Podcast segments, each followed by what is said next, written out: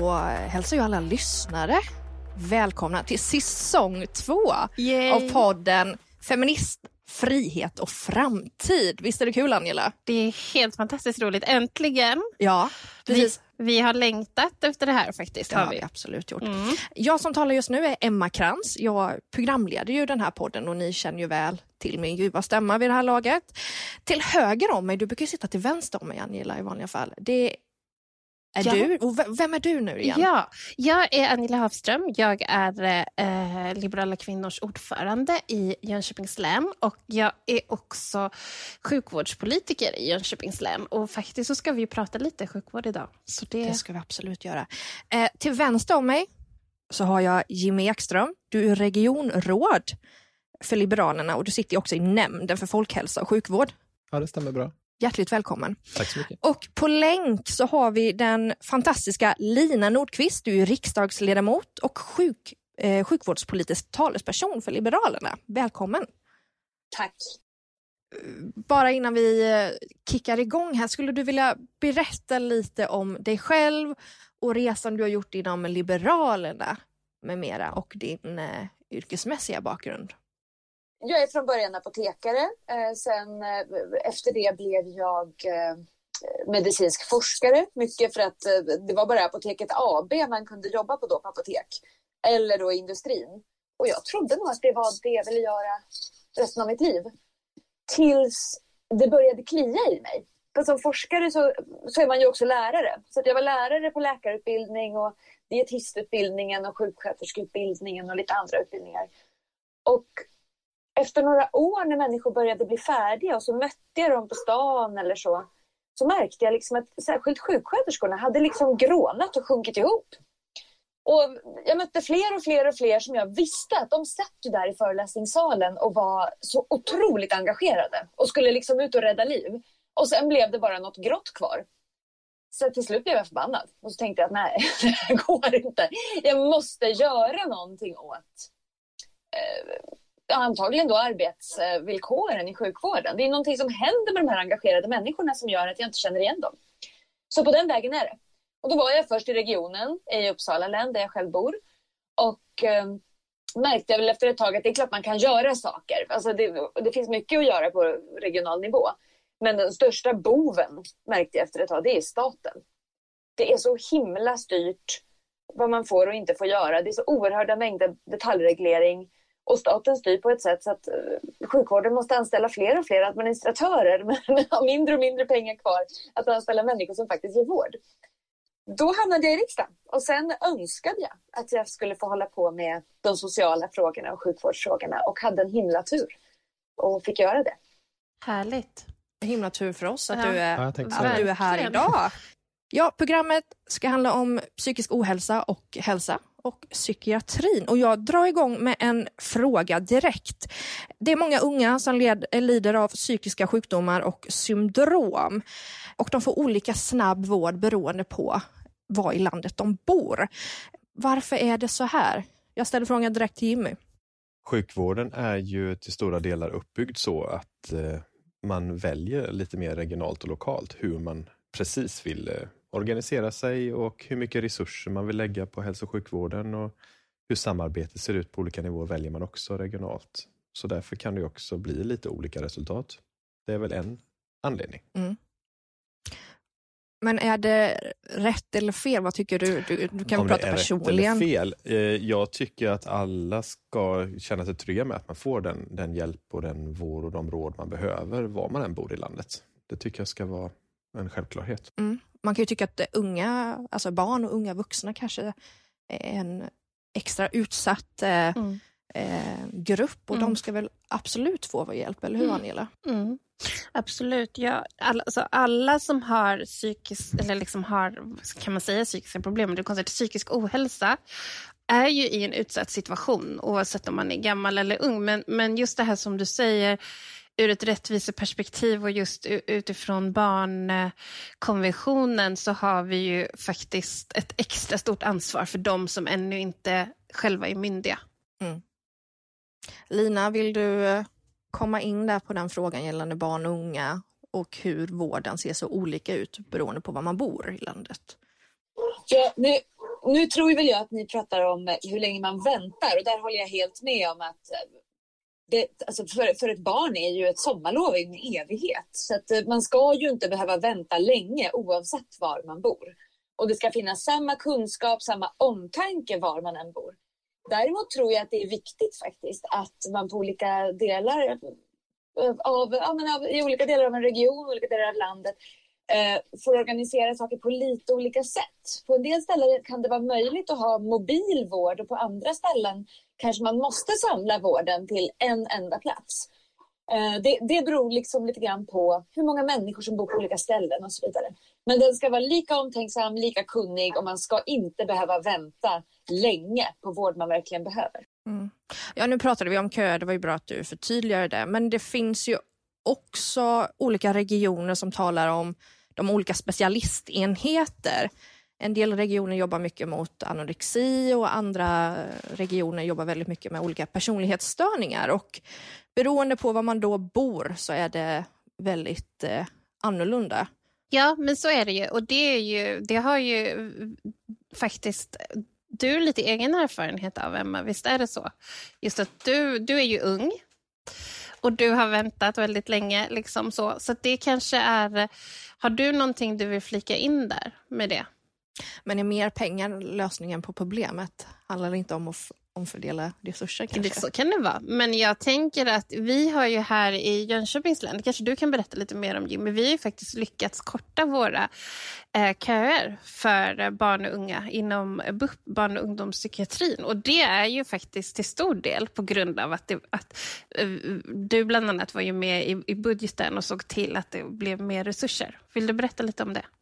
Jo, men det kan jag gärna göra. Jag, jag tänker bara, det, det, finns ju både barn och ungdomspsykiatri och, och, när vi pratar barn och unga särskilt så är det lite en del och sen finns det ju en annan kanske lite annat, eh, andra frågor att ta itu med när det, när det gäller vuxenpsykiatri. Så det är lite olika frågor och, mm. och, jag tänker att i landet tror jag det är viktigt att man också är beredd att samarbeta väldigt mycket för att finns det väldigt specifik vård man mm. behöver så det är inte alltid rationellt och vettigt att den ska finnas precis överallt för då, då hittar man inte rätt kompetens och då får man stänga och folk får vänta. Utan då, att istället kunna säga att vi till exempel i Östergötland, Kalmar, Jönköping samarbetar väldigt mycket så vi, vi har nära till att också kunna visa en, en invånare till hjälp till rätt hjälp och den bästa hjälpen kanske i Kalmar och Linköping lika väl som i Jönköping.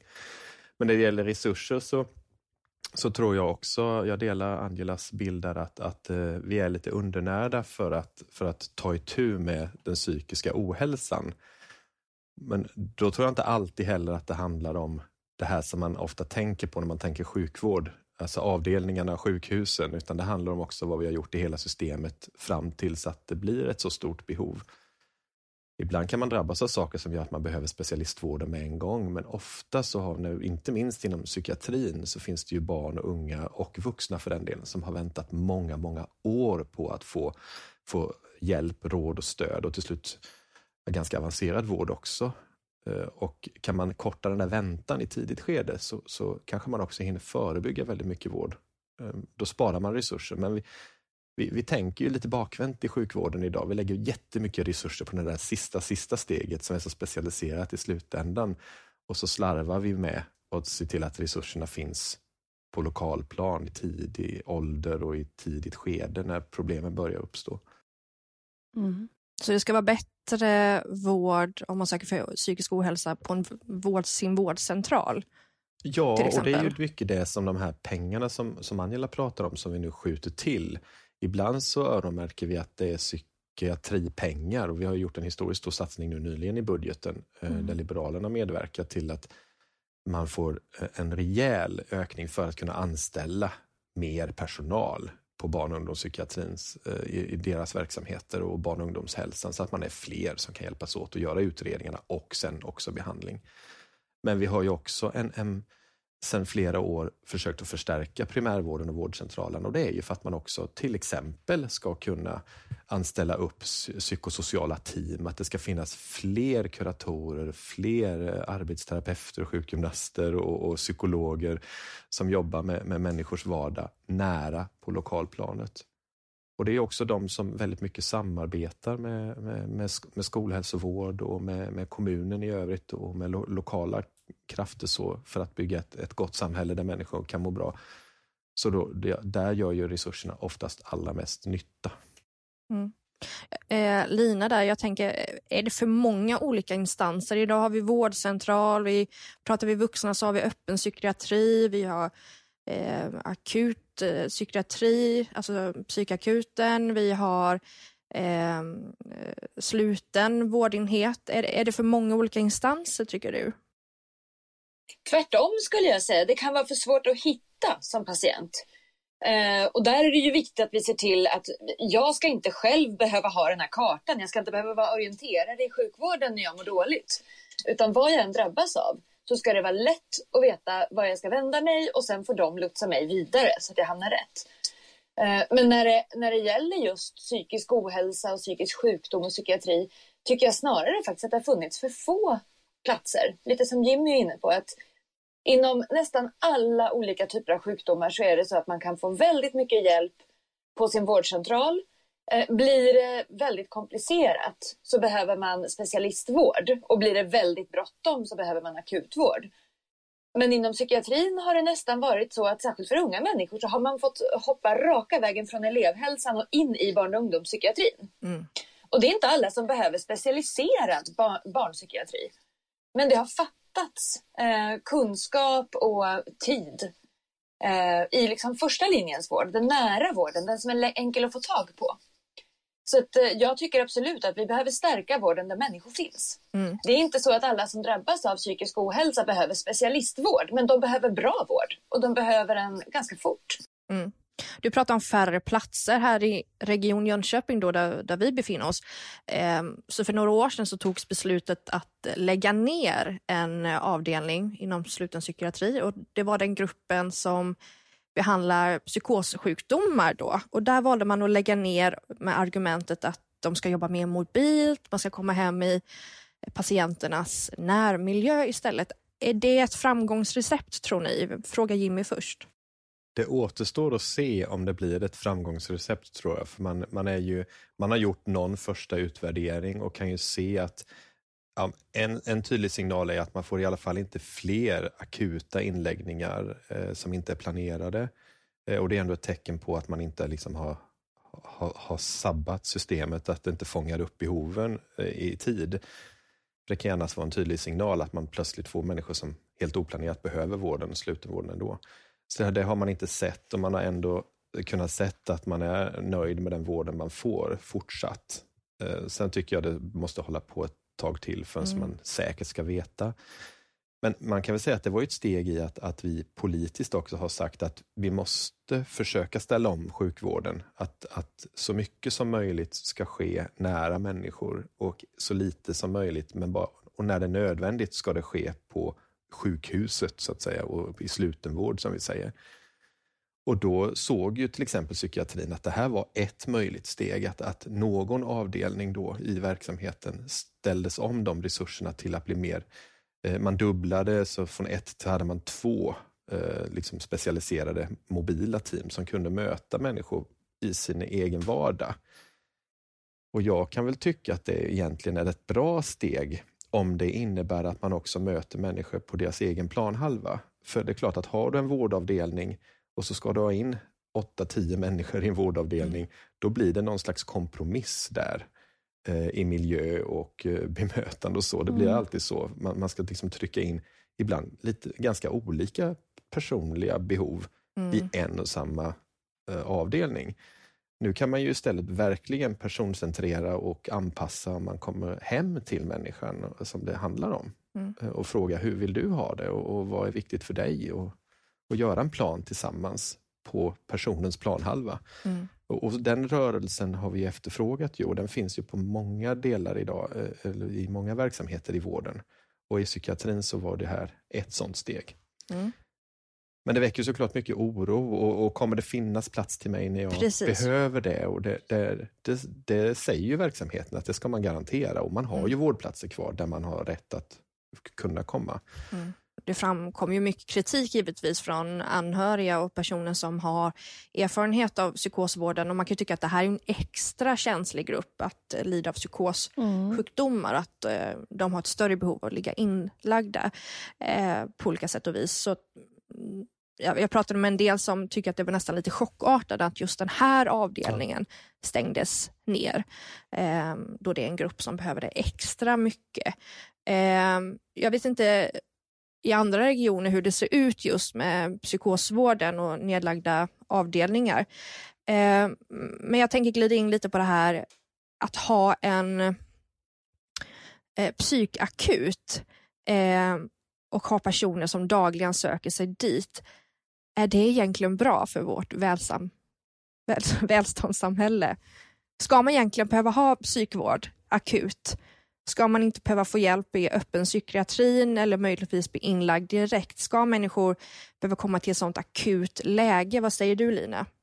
Förstår du min fråga? Jag vet inte om jag förstår din fråga, men jag tror att vi behöver möjligheten att söka all typ av vård akut. Därför att alla sjukdomar och alla svåra problem vi kan drabbas av akut, de måste vi också kunna hjäl få hjälp för akut. Eh, sen om, om jag har en, en känd sjukdom sedan tidigare, då kanske det ska finnas eh, mobila team som kommer hem till mig så att jag slipper ta mig till den här eh, psykakuten eller vanliga akuten. Eh, och om det är så att, eh, att jag känner att det kom plötsligt men det känns inte jätteallvarligt, ja då borde jag absolut kunna ringa till 1177 eller ta kontakt med min egen vårdcentral och så kan vi komma överens om när jag behöver hjälp. Men eh, jag tror det, det behövs det behövs sätt att få snabb hjälp och det tror jag är jätteviktigt. Sen, sen tänkte jag på det här ni precis var inne på nu med eh, slutenvård och öppenvård och vad som mm. egentligen är bäst. Um, oavsett om man har drabbats av en hjärtinfarkt eller av en psykos uh, eller av någonting helt annat så tror jag att vi bakåt i tiden har tänkt oss i Sverige att om man är inne på ett sjukhus så är själva väggarna lite magiska. Mm. Alltså att det är en mm. bra sak att vara i på ett sjukhus. Alltså själva huset i sig eh, är, är, på något sätt bättre mm. än om jag får vård någon annanstans på något annat sätt. Mm. Och det där tror jag att vi äntligen börjar komma ifrån nu. Därför mm. att vi vet ju dels att det kommer ju olika hot. Antibiotikaresistens, olika typer av smittor som man inte alls vill få. Eh, inom psykiatrin finns det risk att en, en, del patienter kan påverka andra att faktiskt må sämre och det är inte heller en bra sak. Mm. Och sen är det faktiskt så inom all sjukvård, vare sig jag nu har brutit ett ben eller jag har ont i själen, så finns det en risk för en form av passivisering. Att jag, att jag blir ganska passiv, jag gör ganska lite och jag kan faktiskt bli frisk långsammare i värsta fall mm. på ett sjukhus än vad jag hade blivit hemma. Eh, med min katt och min kaffebryggare och mina små promenader och så vidare. Mm. Så att det jag tror är viktigt, det är att vi ser till att hitta en balans där det, det vi utgår från är patienten. Inte pengarna, inte huset, ingenting annat utan patienten. Vi vill inte att människor ska bli passiva eller råka ut för saker på sjukhuset och komma hem med något de inte hade med sig dit. Och men vi, vi vill ju heller absolut inte överge en person i den här personens hem. Och det är väl det människor är oroliga för när man tar bort mm vårdavdelningar. Att man tänker att man, ska den här stackars människan nu bli luftlandsatt och vara tvungen att ta ansvaret för sin egen vård. Det ska man ju inte behöva. Man ska aldrig, aldrig, aldrig bli övergiven som sjuk. Mm. Men jag tror balansen är viktig att hitta. Nu vill både Emma, Jim och jag säga någonting samtidigt här. Och, och jag har ju ordet alltid, jag bestämmer okay. Nej men alltså risken för att bli hospitaliserad och inte ha verktygen sedan när man kommer ut, det är ju absolut en poäng. Men är inte det egentligen också eh, något man vill skylla på för att man inte har platser eller inte vill behandla patienterna på sjukhuset. Alltså förstår ni hur jag mm. tänker? Att man, man säger att du kommer ha det bättre hemma om du får hjälpen där. Eh, för att jag, vi har ont om platser som le egentligen. Lekman alltså, är... kan man ju tro det i alla fall. Så tänker jag som inte har varit involverad i sjukvård så länge. Vad tycker du? Har du något svar på den frågan Jimmy? Och du tyckte, hade också något annat att säga? Jag kan komma tillbaka till det jag tänkte ja. på eh, och kommentera det här istället. Det, det någon som alltid har rätt i det, det är ekonomen, för den kan alltid visa att det här ja. blir mycket, mycket bättre. Ja, exakt, exakt. Men sen så finns det ju ett helt, eh, en hel kartbild med, med patienten eller invånaren och dess anhöriga och, och verksamheter som kanske får ett ändrat uppdrag om sjukvården på sjukhuset förändrar sitt arbetssätt. Då finns det en vård i kommunen som mm. står för en tredjedel nästan av vården i landet.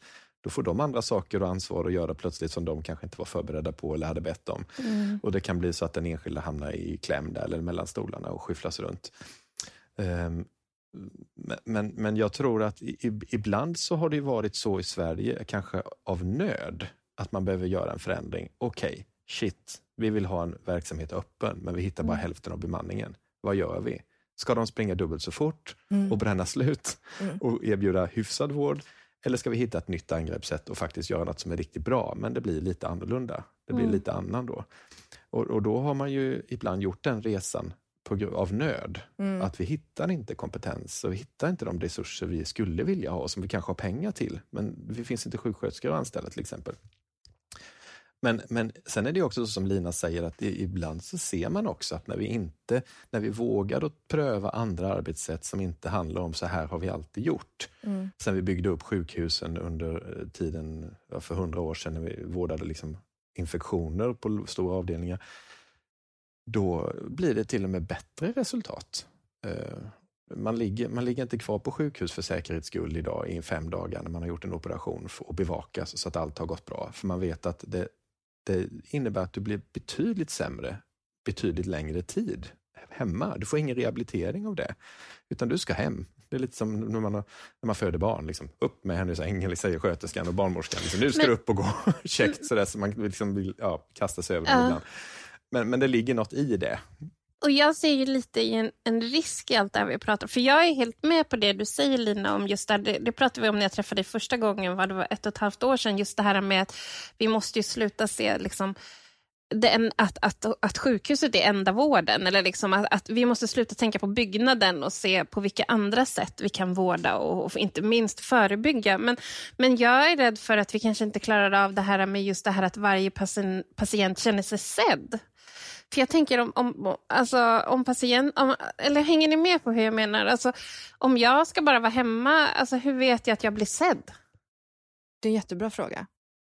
Ja, och den ville Jimmy svara ja, på. Han... Ja, men ett, par, ett par aspekter. Jag, jag, eh, också till det här konkret kopplade fallet som du, du kände igen, Emma, där vi ju ställde om och avvecklade en, en vårdavdelning för att ha mer mobilvård. Där insåg ju alla att det var ett enormt misslyckande i kommunikationen. Mm. Eh, och man ska inte säga att bara folk förstod vad vi vill, så, så säger politiker. De har inte uppfattat vårt budskap, för det är därför de inte röstar på oss. det är inte det jag säger, men jag, jag, vet också, och vi har gjort den här resan så många gånger nu, så vi vet att man måste involvera patienten, anhöriga, kanske hela lokalsamhället, så mm. man fattar varandras intentioner. Varför gör vi det här? Medarbetarna måste också vara involverade i ett tidigt skede och det har vi varit jättetydliga med politiskt att vi, när vi gör ett förändringsarbete i hälso och sjukvården inte minst, så ska man på ett tidigt stadie involvera medarbetarna för de ska bära hela förändringsarbetet. Det funkar inte att man sitter med en check politisk idé eller att en eh, cheflag eh, kommer på en klok idé, så här löser vi det och sen trycker ut det. Utan man måste jobba med förtroendeskapande verksamhet för att det ska, förändringen ska bära. Och det handlar ju lite om det du också är inne på, mm. eh, Angela, att man måste, man måste se människan i, den här, i vården och i den här processen. Um, och människan är ju dels patienten naturligtvis, men det är också väldigt många, ofta som rör sig i gränslandet och som inte är någon formell part. Liksom, det, det, är ofta mammor och pappor och mormödrar och mor, morfäder som, som upprörs över att men vi, vi vill också vara med, vi vill hjälpa till och som aldrig formellt kanske involveras, men man kan hitta arbetssätt där man faktiskt involverar alla. Mm. Mm. Mm. Och anhöriga har ju också ett behov av att få stöd och hjälp. De, de vet inte hur de ska hjälpa sina, eh, sitt barn eller en familjemedlem med stöd som lider av psykisk ohälsa. Och Det kan ju också leda till att de får psykisk ohälsa till slut. De bränner ut sig. Oh ja. Stresssyndrom, PTSD och allting sånt där. Men jag är medlem i en grupp där vi pratar mycket om psykisk ohälsa. På Facebook eller? Ja, precis. Uh. Och det är rätt genomgående där att många upplever att ja, men jag skickades hem med en, en karta med piller för det här och uh, vad får jag för biverkningar med det här? Jag tycker att jag behöver samtalsterapi eller behöver bli inlagd. Uh, men istället proppas jag av olika kemikalier av olika slag. Mm. Och man kan tycka att så här, ska vi verkligen ha det så om patienten känner sig missnöjd, Lina? Är det bra vård om patienten känner sig missnöjd? Det beror lite grann på, tänker jag, vad vi tycker att våra gemensamma resurser ska vara till. Eh, nu vill jag först och främst säga att jag tror absolut att det händer idag att personer som borde få eh, KBT, psykoterapi eller någonting annat istället får ett piller därför att läkaren som skriver ut är medveten om att väntetiden är två år. Mm. Eh, och det kan jag inte göra mot min patient utan jag gör det näst bästa för den hjälpen finns i alla fall. Men med det sagt att det finns eh, tillfällen när människor får så att säga den näst bästa behandlingen istället för den de borde få. Så tror jag också att det är viktigt att tänka på att sjukvården finns ju faktiskt inte för att vi ska få den vård vi vill ha. Den finns ju för att vi ska få den vård vi behöver ha.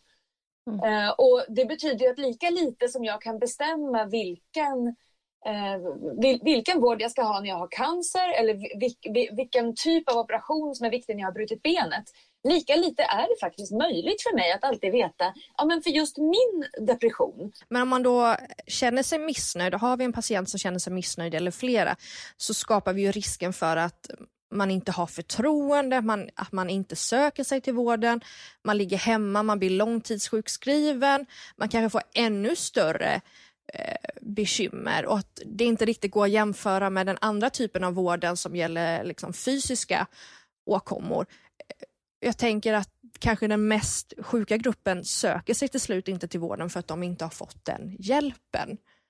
Förstår ni vad jag menar här? Uh, jag tror att det, det ligger mycket i det du säger och det gäller faktiskt också, skulle jag säga, all vård. Att, uh, vi vet att mellan 10 och 20 procent av alla människor de kommer inte att avsluta sin läkemedelsbehandling. Uh, och den risken blir större och större och större ju längre tid den här behandlingen behöver pågå. Eh, de flesta av oss klarar inte ens av att ta en hel antibiotikakur utan att sluta eh, lite för tidigt. Och det är ändå en vecka det handlar om. Så det är klart att ska man ta sina läkemedel i flera år mm. så kommer de flesta börja svaja. För man tänker att ja, men det är nog inte det bästa, jag känner mig inte, jag blir inte alls bättre eh, av depressioner. Alltså man kan ju till och med bli sämre i ett tag mm. av en del behandlingar. Eh, och vi vet ju att det är klart att det leder till att att depressioner blir värre, psykoser blir värre, magsår blir värre, mm. eh, alltså, blodtryck blir värre. Eh, jag tror vid alla typer av vård, det måste finnas mer tid än idag för att faktiskt se till att patienten är delaktig. Att man får berätta, hur mår jag? Tror, tycker jag att det verkar funka? Tror jag på den här behandlingen själv? Är jag motiverad? Mm. Behöver jag fler svar? Eller ska vi säga att vi utvärderar om en månad och sen ses vi igen? Jag tror att det, det, är farligt att tro att sjukvården kan ge instruktioner och sen ska patienten gå hem och följa, för det kommer inte hända. Jimmy, du räckte upp handen här. Ja, eh, och det var jag nästan lite höll på att gå i konflikt med, med Lina. Ja, ja men det, det, du är välkommen att Vi göra det. Vi gillar debatter. Ja. Nej, men jag var lite inne på det och du, du, du lyckades väl landa där till slut Lina, tror jag ändå att, att eh, har man som patient en upplevelse av att jag inte tror på det här eller jag är inte involverad, då, då kan ju det ibland ha rätt stor effekt på om vården hjälper. Eh, mm. Oavsett om det är en oerhört kunnig vårdprofession som sitter och, och, vet vad som egentligen borde, borde vara bra för dig. Mm. för det handlar ju alltid om ett motivationsarbete, det handlar om att fullfölja behandlingsprogram och, och, och så vidare. Eh, och någonstans så tycker jag väl att, och det, ja, dit rör vi oss, att vården också har ett uppdrag att du ska någonstans uppleva också att vården är bra. Det jag tänkte på, det jag, det jag först tyckte Lina var ute och, och seglade, eller på det var när, hon, när du sa Lina att, att eh, ibland så vet ju att människor ska inte ha rätt liksom, att säga att, att man ska ha den vård man vill ha, eller man ska inte önska sig liksom, vård. Men det var inte det du, du menade heller, utan just just att det är väldigt viktigt att man involveras i, i planeringen av sin vård och att, att vården också lär sig tänka så att, att eh, både patienten och dess situation i vardagen, vilka har den omkring sig, hur ser hemsituationen ut och vad, vad är viktigt för mig i min vardag? Är det viktigt när jag drabbas av en olycka att jag snabbt ska kunna gå tillbaka och göra de saker jag gjorde till vardags? Eller har jag fått andra saker som jag värderade i livet? Eller lever jag för mig själv eller för min familj? Och så där, I väldigt hög grad så har ju vården också, som, som, vi, som vi är lite till, till mans och kvinna, att vi, vi, vi utgår ifrån en massa saker, men vi måste också Vården måste ha tid, som Lina säger, att också sätta sig in i varje enskild människa. Hur, vad blir bäst för dig? Och det tycker jag är ett bra mantra även i, Region Jönköping, inte minst. Liksom, vad är bäst för Ester, säger vi ju. Det Ester är någon slags figur Mm. som ska representera alla, var och en av oss. Så att, vad är bäst för dig? Mm. Eh, och och det, det måste gå igen, och är inte minst inom eh, psykiatri, tänker jag. Ja, men precis, men vi pratar om det här med resurser. Jag vet Lina, du tog upp det här att eh, det kan vara liksom två års väntetid eller kö för att få samtalsterapi till exempel. Eh, har vi för få personal eller är den här pengapåsen vi talar om? Eh, vad beror det på liksom? Jimmy, du nickar här. Och... Ja, nej, men jag tänker att, att ja, men dels så har det varit väldigt lite eh, personella resurser. Vi har haft för få eh, psykiatriker och vi har haft för få psykologer och, och så. Och på vissa i andra verksamheter för få kuratorer. Så att vi har inte kunnat, vi har inte ens om pengarna har funnits så har vi inte alltid kunnat välja att ha fler som jobbar. Är det för att det utbildas för få eller att vissa läkare eller kuratorer väljer att inte jobba inom psykiatrin som Jag tror psykiatrin har, och idag i alla fall, så har den en god status. Så är det klart inom läkarbranschen, och det kanske du vet Lina som ändå har rört dig i vårdkretsar i, till din profession. Jag, jag tror att psyki, psykiatrin kanske inte alltid bland läkarkåren har varit det, det Rolls Roycen så va. Men, men eh, vi, och, och, och vi har ju fått jobba stenhårt i vår region för att hitta kompetens. Vi har jobbat mycket med utlandsrekrytering till exempel. Så vi har haft en, en rad utländska läkare som har räddat eh, situationen här. Då. Nu ser det väl bättre ut än på mycket, mycket länge. För några år sedan hade man tio jourlinjer som man säger för, för att hålla igång där man hade hyrbemanning av läkare i, i Jönköping och idag har man en sån linje kvar. Så man har ju liksom blivit av med 90 procent av, av hyrberoendet för att hålla igång jourarbetet och så. Och det är ju jättepositivt. Och det blir också en god spiral där man då kan gå in och satsa mer resurser för man vet att man kanske är inne i ett skede där man också kan rekrytera fler. Eh, Och det har vi ju gjort. Men att ha hyrläkare, det finns ju fortfarande så att då är det ju ingen brist egentligen på läkare utan det måste nästan vara så att de vill inte jobba inom regionerna eller till och med för att de är en skitdålig arbetsgivare eller på något Mm. Men sätt. här ska du få höra något, Emma, som jag inte hade en aning Ja. om förrän jag började engagera mig sjukvårdspolitiskt. Att, att, att hyrläkare är ofta exempelvis då psykiatriker från andra län som bara jobbar x antal timmar, dagar i månaden i, i, sitt eget, i sin egen region och sen så har de en viss tid där de kan hyra ut sig själv till andra regioner. Det här hade inte jag någon aning om att det var Precis, så. Precis. det är väl så för alla läkare, eller hur Jimmy? Så har jag förstått det i alla fall. Ja, vi, vi försöker ju stävja det där och vi samarbetar och ställer ju en del krav så att man kan inte, ha, man kan inte lägga upp bisysslorna hur, hur som helst. Nej. För, så va? Men det, det är klart att det har ju varit, det har ju varit medarbetarens marknad i hög grad där Mm. man har kunnat välja att, och må, vi har sett bland annat bland psykologer har det varit stor rörlighet för där finns det också privata och andra alternativ som man kan gå till. Det kan vara HVB-verksamhet eller annat där man, Mm. man, man byter från år till annat men man kommer också tillbaka. Eh, och man, man vill byta och jag tycker inte att byta är, behöver vara fel i sig. Nej.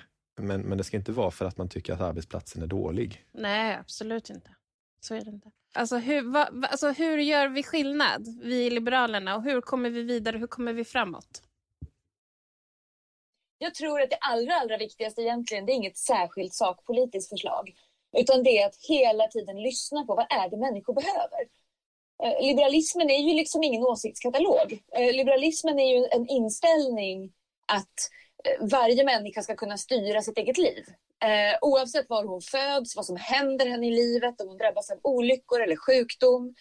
Ehm, och jag tror att för att det verkligen ska, för att det ska bli så, att vi faktiskt kan styra våra liv, så tror jag att vi måste hela tiden lyssna. Vi måste lyssna på anställda, på anhöriga, på de människor som försöker göra skillnad i ideell sektor. Lyssna på entreprenörer som försöker hitta sitt sätt att hjälpa till. Ehm, och då tror jag att då kommer, då kommer själva förslagen att vara olika under olika tider och, och lite beroende på var i landet vi är. Ehm, men vi kommer alltid hamna mer rätt om vi är duktiga på att lyssna och lägga ett, lägga ett bra pussel. Jag tänker ibland att politik är ju att, att lägga ett 5000 bitars pussel. Alla bitarna behövs. Många av dem är rapporter och många av dem är fakta. Men väldigt mycket handlar faktiskt också om precis det Jimmy var inne på tidigare. Vad är viktigt för dig? Vi måste veta vad som är viktigt för människor, annars kan vi inte fatta rätt beslut. Mm. Eh, Jimmy, vi har redan nämnt det här, men du sitter ju i nämnden för folkhälsa och sjukvård i Region Jönköping. Eh, hur har ert arbete sett ut de senaste åren när det gäller det här med psykisk ohälsa? Vi har pratat lite om det, men eh, hur har det sett ut? Vi har sett att, att eh, psykiatrin har behövt få en, en högre status i, i både samhällsdebatten och i politiken, eh, behöver värderas högre. Eh, Idag kan man tycka att vi pratar väldigt mycket om psykisk ohälsa, så, men, men eh, jag vill nog hävda att det historiskt ändå har varit ett område som ofta kommer, kommer lite i tredje, fjärde hand så när man pratar hälso och sjukvård. Eh, man pratar mycket eh, akut på sjukhusen och det är ambulanser och det är stora medicinska verksamheter, men, men psykiatrin eh, hamnar lite i skymundan och där, där har vi drivit det och vi har också krokat arm med andra i politiken som också tycker det här är ett viktigt område. Så därför är det ju framskjutet i, budgetar och så. Och det känns positivt. Sen har ju inte minst barn och unga situation eh, och du har ju återkommit till det här med resurser. Vi har ju sett också att vi, vi i vår region har ofta kunnat visa bra hälso och sjukvård, ibland liksom landets bästa hälso och sjukvård, men där också psykiatrin och barn och ungdomspsykiatrin har varit lite våran svaghet. Eh, Den har vi delat med många andra, men, men det är också kopplat till att vi har lagt jämförelsevis lite resurser. Nu tror jag, i, i öppen psykiatrin och så, så tror jag vi ligger i någon slags medel i landet. så, men, men, eh, men det kanske är så att Sverige också är sparsamma när det gäller resurser till psykiatrin i, i, i en internationell eller europeisk jämförelse och då, då behöver det ju förändras över tid.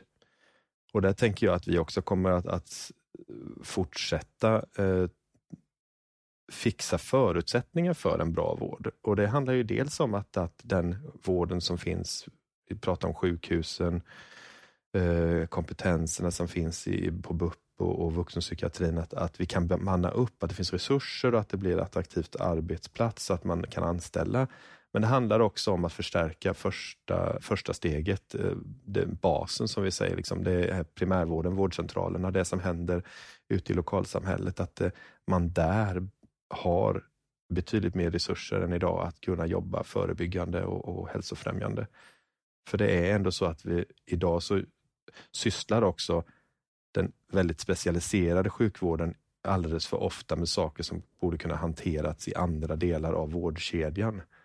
Eh, och det är inte, det är inte rationellt, det är inte bra för någon, vare sig patienterna, invånarna eller, eller verksamheterna. Mm. Jag tänker på den eh, gruppen just för att en viss typ av vård ligger på kommunerna och en annan på regionerna. Och en del grupp som söker sig till psykiatrin eh, nekas viss hjälp just av psykiatrin för att eh, läkare där anser att de har mer av ett missbruksproblematik vilket då kommunerna ska ta hand om. Och Då bollas de här fram och tillbaka medan kommunerna anser att nej, men här har de mer eh, psykiatriska problem. Och Det här bollas man ju fram och tillbaka. Eh, liksom, hur, hur, hur kan vi ha det så här egentligen?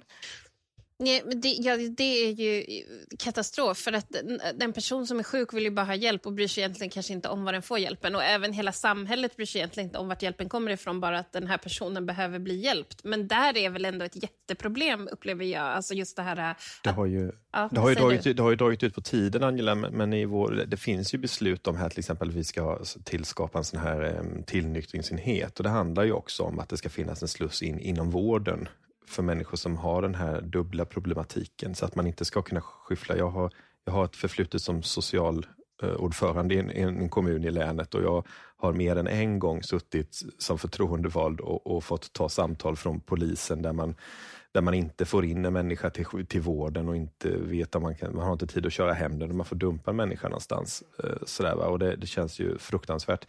Men jag tänker Lina, du kanske kan fylla i där, för det, visst är det ändringar på gång där, eller man utreder ju det här eh, ansvaret kring människor med både missbruk och, och psykiatriska problem. Ja, precis. Eh, helt rätt. Vi eh, har, har puttat på eh, andra partier och vi har gemensamt i riksdagen puttat på regeringen och sagt att det, här, det går inte att ha det så här. Vi kan inte, vi kan inte se beroendesjukdomar som någon form av beteendeproblem som kommunerna ska lösa utan vård ska ges eh, där vård ges. Eh, det är regionerna som ska ansvara för det. Eh, och det är precis som ni säger, att det är, det är helt ohållbart att säga att vi kan inte hjälpa dig med din anorexi förrän du är drogfri. Och sen säger den andra enheten, men vi kan inte hjälpa dig bli drogfri för du har ju anorexi. Eh, hjälpen måste finnas där eh, när den behövs. Och det är hög tid att det blir en huvudman som vi kallar det. Alltså att, att det är regionernas hälso och sjukvård som har hand om alla beroendesjukdomar och alla psykiska sjukdomar. Men eh, det, det, kommer ta lite längre tid, men nu är det ändå på, på rull. Så att det kommer att ordna sig tror jag. Jag hoppas bara att det inte drar ut på mycket på tiden. Ja, ja men det är positivt att vi, vi driver på det, just det här att, att vi, vi, vi välkomnar att regionen kan få ta hela ansvaret där och hålla ihop det. Sen kommer man ha behov av fortsatt samverkan, men vi kan ju se, och jag vet, jag har med mig red, bild av redan idag hur vi jobbar i våran region och där, där har vi ju innan lagstiftningen kommer ändå tagit kontroll på detta. För man har, vi har olika strategigrupper och det, det, här är ju på professionsnivå då. Eh, det är inte politiker som sitter där utan det är de som jobbar till vardags och styr och leder de här verksamheterna. Där har vi vårdcentraler och kommun och region som sitter tillsammans i delar av länet. Man har framförallt på, på våra som vi säger, höglandskommunerna i Jönköpings län har ett arbete igång där man har plockat fram de här eh, patientfallen som man ser att de här är komplexa, de är svåra, det är människor som ska, behöver komplex och mycket vård och som skyfflas runt lätt och så. Vi lägger mycket resurser kring dem. Och så sitter man och tittar på hur kan vi samverka för att göra det bättre för den enskilda. Eh, det är lite det här man har gjort på för barn och unga. Man säger man vi gör en väg in så att den enskilde kommer hit och sen är det vårt ansvar att slussa den rätt till rätt sak i rätt tid för att det ska bli så bra som möjligt utifrån den individen. Och Det här har man gjort med no, en, en grupp av patienter där man ser att man, här, här måste vi steppa upp och ta ett större gemensamt ansvar. Och Då river man liksom gränser och hinder, och så, utan hur jobbar vi rationellt utifrån den enskildas situation? Ja, det är jättebra. Uh, jag kommer att tänka på, vi är ju en feministisk podd. bara, är det det vi? Det blev, vi blev en sån här psykakut vårdpodd. Men uh, hur är det då man anlägger ett så feministiskt perspektiv? Har du några siffror eller någonting så, Lina, på hur Alltså är det liksom uh, svårare eller lättare att få hjälp när man är kvinna, exempelvis? Och vilka är, är, sjukast? Kan man säga? Ja. lite så.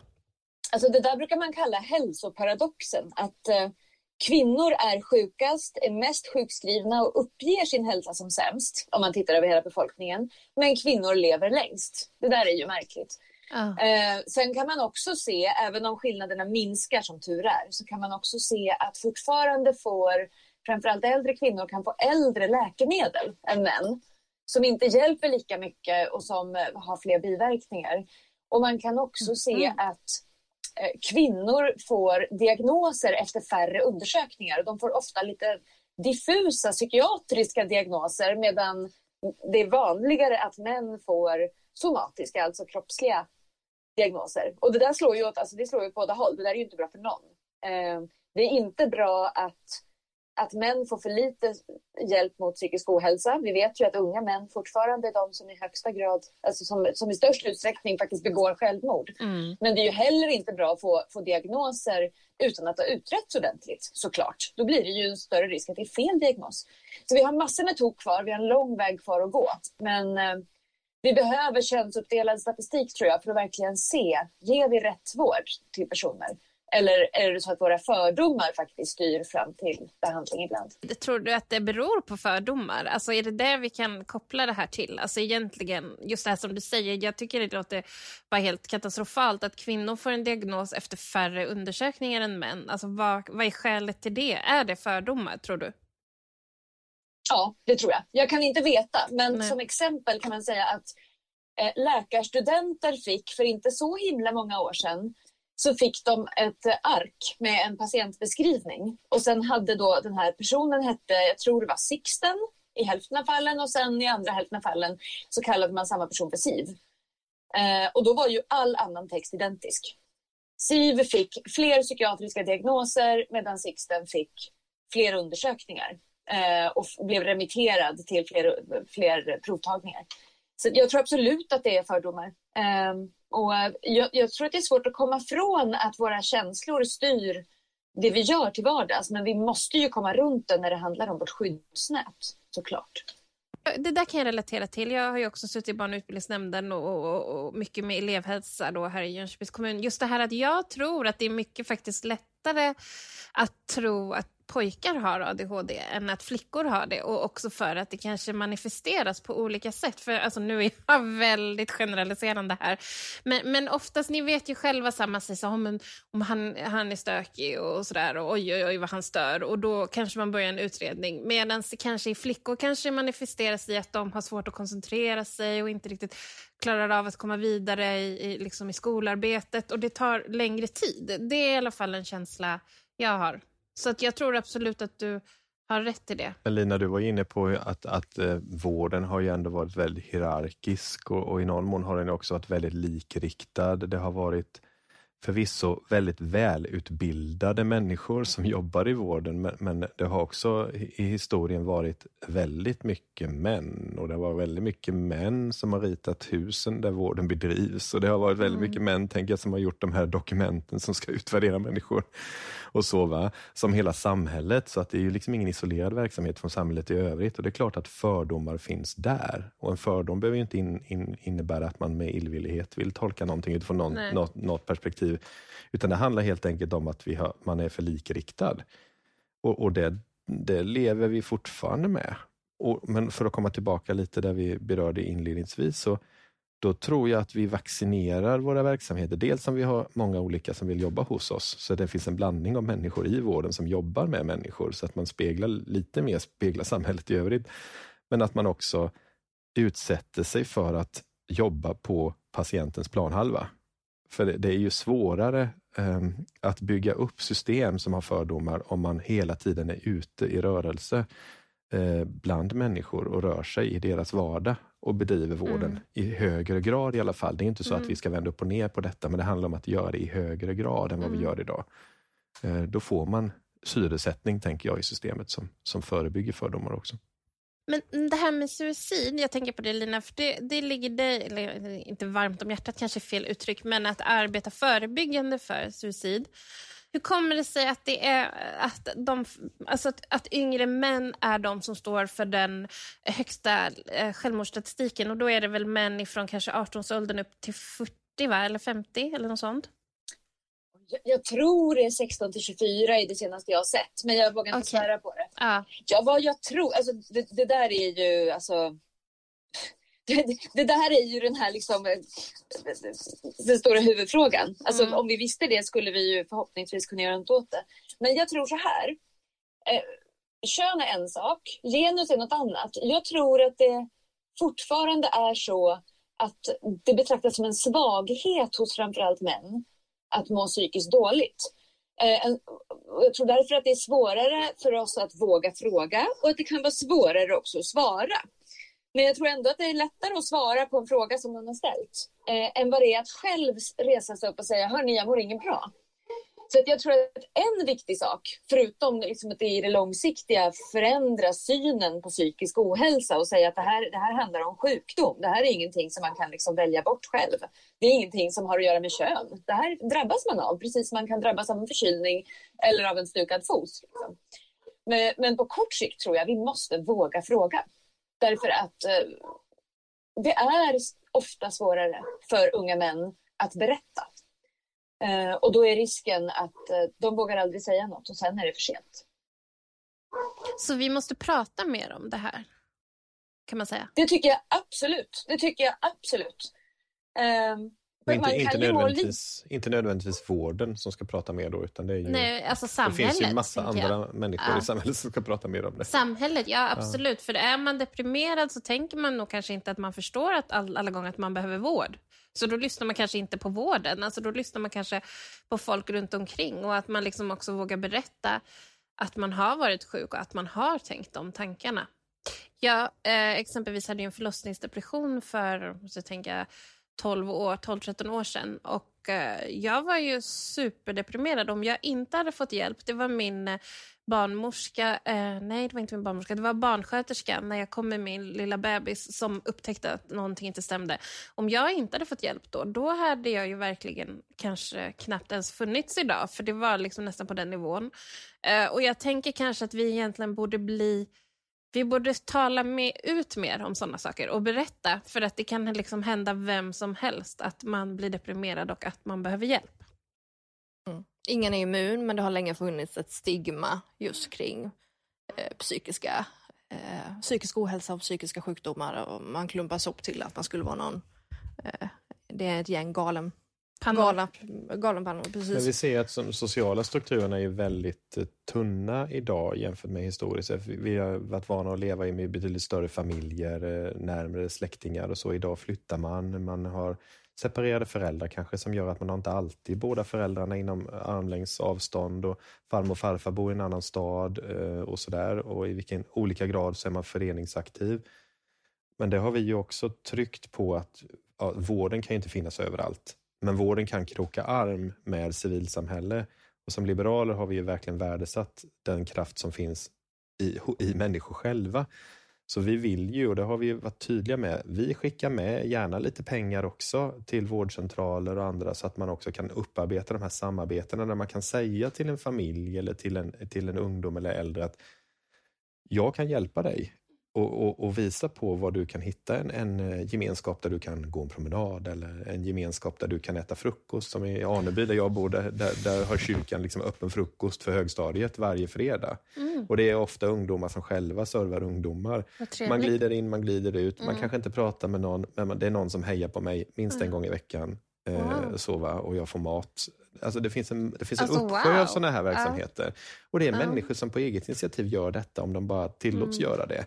Så vi ska inte institutionalisera allting heller och, och tro att vi måste lösa det i någon stor organisation. Men organisationen, vården och regionen och kommunen för den delen också måste också få uppdraget att släppa till och öppna upp och stötta de här krafterna. För då är man verkligen på rätt nivå i tid, tänker jag. Mhm. Vad intressant. Ja, nej, men civilsamhället har ju en jätte, jättestor roll och även alla vi runt omkring. Men det kanske är, på något sätt är lättare att organisera sig i... Kyrkorna i, i Jönköping här till Ah. exempel har ju på eget initiativ knackat dörr i vissa områden för att se, sitter det människor ensamma? Jättebra. Inventerat hur många äldre gubbar sitter Jättebra. på sin egen kammare och änklingar. Superbra. Och sen behöver vi inte... Nu, nu är vi i Jönköpings län, allting är kopplat till kyrkor, tänker säkert Lina bara. Men, men det finns ju även annat civilsamhälle, inte bara kyrkor, utan ju. många idrottsföreningar och, och andra former av intresseföreningar. Liksom. Det Jag jobbade som på Sveriges service. Radio jag skulle precis säga det, att du var tvungen att tillägga det. Men eh, vet ni, jag, eh, det börjar bli dags Ja. att eh, runda av faktiskt. Jag tackar eh, J.B. Ekström för att du var här och deltog idag. Jag tackar Lina Nordqvist. Tack själva. Ja, Jättestort och- tack för att ni gör det här. Ja, vad härligt. Tack. Och jag tackar Angela Havström. Och så säger vi på återhörande. Tack Emma Krantz. Ja, tack. Jag väntade bara på att Ja, det skulle tack, Emma komma. Krantz. Men Ja. eh, på återhörande. Yay. Tack för idag. Hej då.